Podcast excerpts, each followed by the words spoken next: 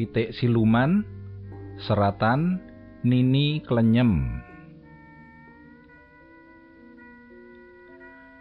Cerita menika kedadosan ing dusun kula jaman rondo taksih gayeng. Kala semanten Pak Basuki sak rombongan tiang sedasa ngelempak wonten planggok utawi gardu tiang mastani sak menika. Mangke sak sampunipun jam songo tiang ingkang boten angsal giliran rondo sami ngintun wedang teh lan nyamian sak gadahipun dateng gardu inggih temtu kemawon kedah cekap kangge tiang sedasa ingkang sami rondo menika wau jaman rumiyin sakderengipun mubeng istilahipun imleng. Kangge cagak melek sami dolanan kertu. Temtu kemawon menawi sak menika boten lan boten kepareng. Dene ingkang boten dolanan kertu nggih sami cerita pengalaman-pengalaman pribadinipun. Pokokipun namung sampun ngantos tiang-tiang wau sami ngantuk. Dene menggah ngedumipun kapareng tiga ngubengi dusun menika kalih arah saking ler mengidul menika tiang sekawan lajeng saking wetan mengilen ugi tiang sekawan.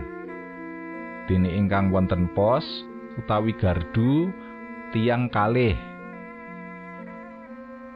Mangke wonten ing salah satunggaling papan saged pepanggihan utawi gathuk. Menawi sampun kemput anggenipun mubeng lajeng sami wangsul dumateng pos. dene mubeng ingkang kaping kalih watawis jam 3 menika ingkang sami rondo mubeng ning kalian betok kentongan saking pring sak tutukipun inggih kalian mubeng menika sami nabuh kentongan mawi irama. Dados sekeca dipun mirengaken. Tiang-tiang rondo menawi pinuju kentongan mendel mongko cedhak griyanipun warga lajeng sami gigah-gigah tembungipun melek melek. Ingkang mireng wonten sak lebeting griya ugi mangsuli. Melek.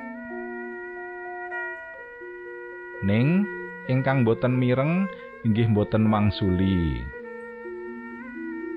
Jaman rumiyin menika tiyangipun lugu-lugu. Rondo inggih rondo saestu boten kok lajeng katrem bedak kucing utawi ngupengi gunung kados wekdal-wekdal ingkang nembe kemawon. Saderengipun wonten larangan.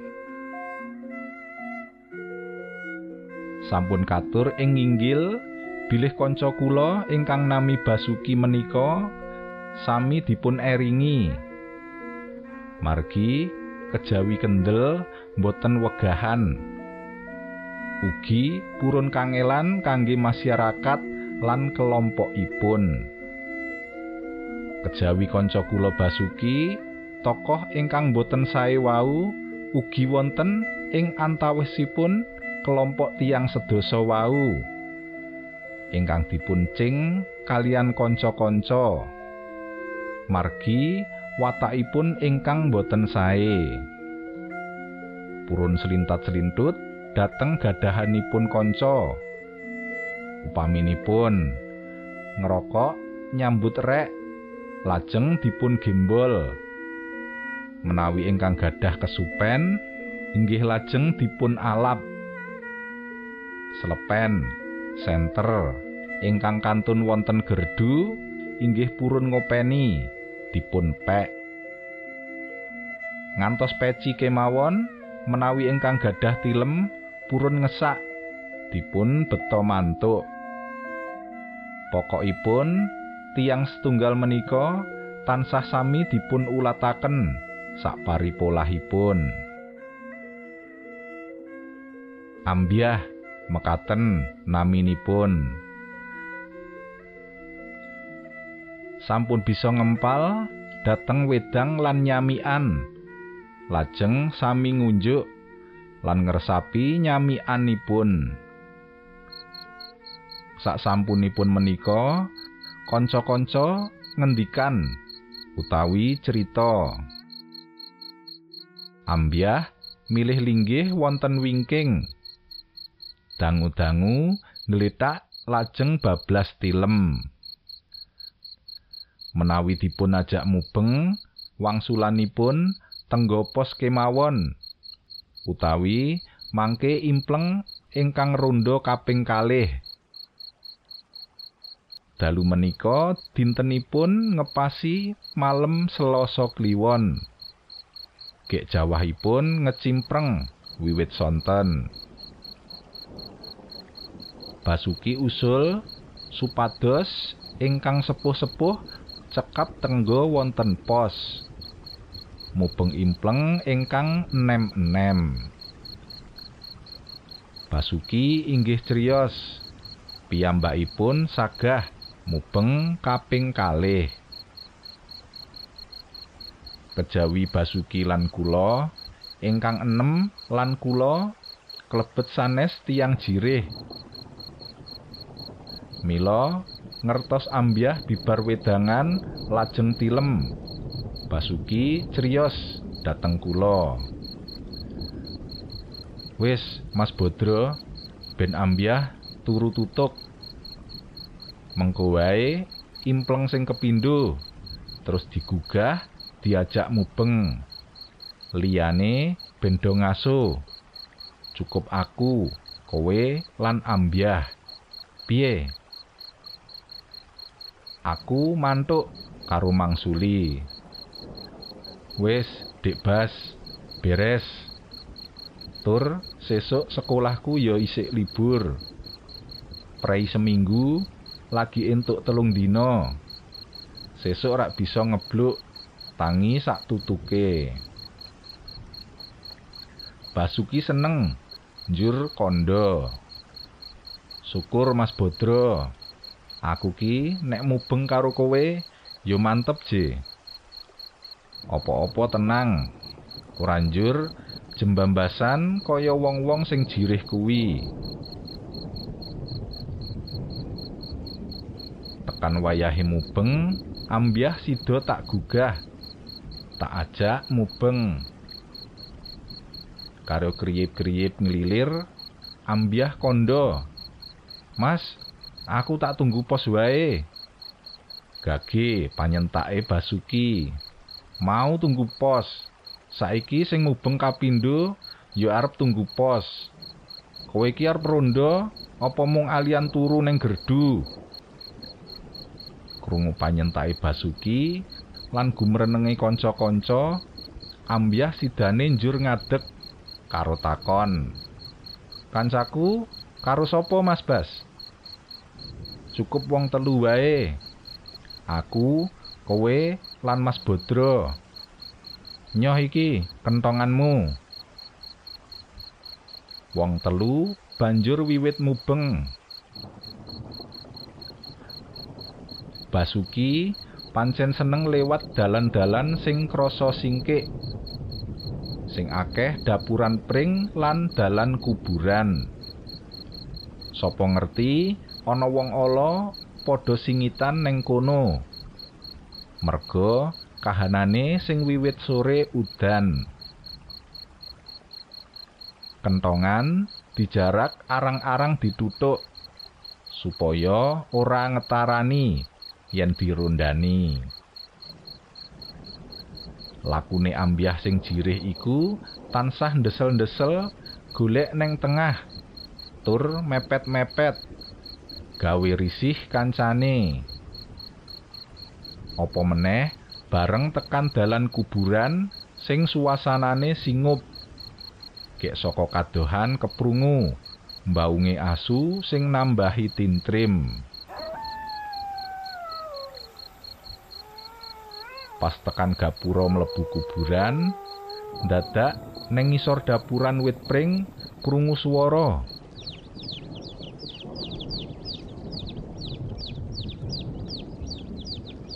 Basuki gage nyelorotake sentere.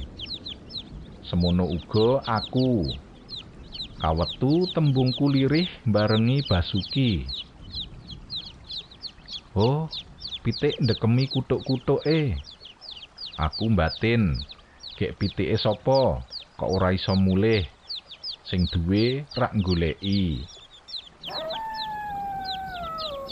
Seje karo ambyah. Gage sarunge diplorotake njur digelar. Pitik sak kutuke dikukup banjur dibuntel sarung. Ditaleni kaya nek buntel nganggo taplak kae. Ditaleni padha pojok njur dicangklong. Aku meneng wae. Ning Basuki wis elek-elek. Aja Mbah. Wong lagi rondo kok open-open. Sopo ngerti sesuk digoleki sing duwe. Ambyah ora ngrewes. Kabeh pitik kuwi terus digawa. Bau kiwa nyangklong sarung isi pitik. Tangane nyekeli kentongan lan tabuhe. Mbuh, ngopo? Lakune ambyah saya suwe saya ngeri. Lan ambekane keprungu yen krenggosan. Basuki takon, "Ngopo to? Kok ngeri-ngeri?" Adate kowe iki nek mlaku ndesel-ndesel, semu nunjang-nunjang. Wangsulane ambyah karo krenggosan. Mas Bas, Mas Bodro, dienteni. Iki gawanku kok dadi abot banget. Syukur wong dikandani aja open-open kok ora nggugu. Wis, diculake wae pitike. Pakone Basuki karo tetep melaku sak titahe. Dumadaan keprungu swara makbruk. Ambyah tiba krungkep. Keprungu suarane pedhot-pedhot. Tut tut tut tulung. Tulung, Mas. Aku lan Basuki gage noleh mbaleni ambyah. Senter ukuran batu limo kuwi tak panjer arahe ambyah tiba. Tenan, ambyah krungkep. Sarung sing mau isi pitik sak kutuke wis pudar, umlarah ing lemah. Ambyah tudang-tuding prenahe sarung. Cahyane pucet. Omonge mung mangap-mangap ning ora cetha. Aku lan Basuki gage tandang. Ambyah tak dapyang wong loro. Tak gawa ning gubuk sing dohe watara 50 meter. Kebeneran ning gubuk kono ana Pak Pawira sing nutup tulaan merga sawahe wis kebak banyu. Weruh senter dipanjer lan aku wong telu gage nyedak karo takon. Niki rak sederek ronda to? Sinten sing didapyang niku? Inggih, kula Basuki kalih Mas Bodro, Pak Pawira. Niki ambyah wau dawah wonten longapan makam ler niku. Tekan gubuk, ambyah diupakara wong telu. Suwe-suwe bali kekuatane. Bareng ditakoni, wangsulane ambyah mengkene. Mas, pitik sing tak rakup tak wadahi sarung kuwi mau, saya suwe saya abot. Malah abot banget. Mulane lakuku ngeri-ngeri. Tur ambekanku krenggosan. Bareng Mas Bas akon ngeculke, aku manut. njur tak culke. Ning bareng sarung tak buka, waduh Mas, pitik ora ana. Sing ana sirah uwong sing rambute gimbal. Mripate abang mendulu. Gek cangkeme meringis ngegilani. Rekakku arep melayu nututi sampean wong loro. Ning malah tiba. Ngerti aku tiba, sirah mau njur glundung-glundung karo isih meringis. Arahe mlebu makam, ninggal sarungku sing mau dak enggo buntel wis kumlarah. Ngono ceritane ambyah karo menggeh-menggeh. Pak Pawiro celuluk. Lah ya kuwi mbyah. Wong kuwi yen seneng open lan melekan ya kaya ngono kuwi batine. Basuki numpangi gunem. Mau ya wis tak elekke, Kang. Ning ambyah ndablek. Ben, saiki kapok oleh seneng open-open. Aku trimo meneng wae. Wayah wis parak esuk. Aku wong papat karo Pak Pawiro banjur bebarengan padha mulih tumuju omahe dhewe-dhewe.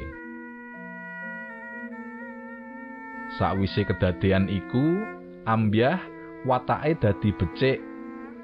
Mari oleh seneng selintutan lan open-open.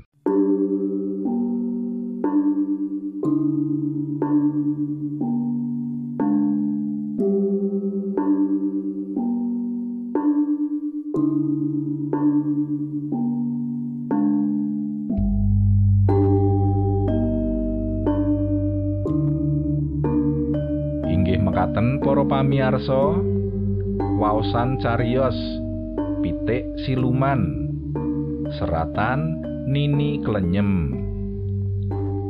Kapetik saking kalawarti panyebar semangat nomor tigang doso tiga. Tanggal pitulas Agustus kali hewu tiga welas. Matur nuwun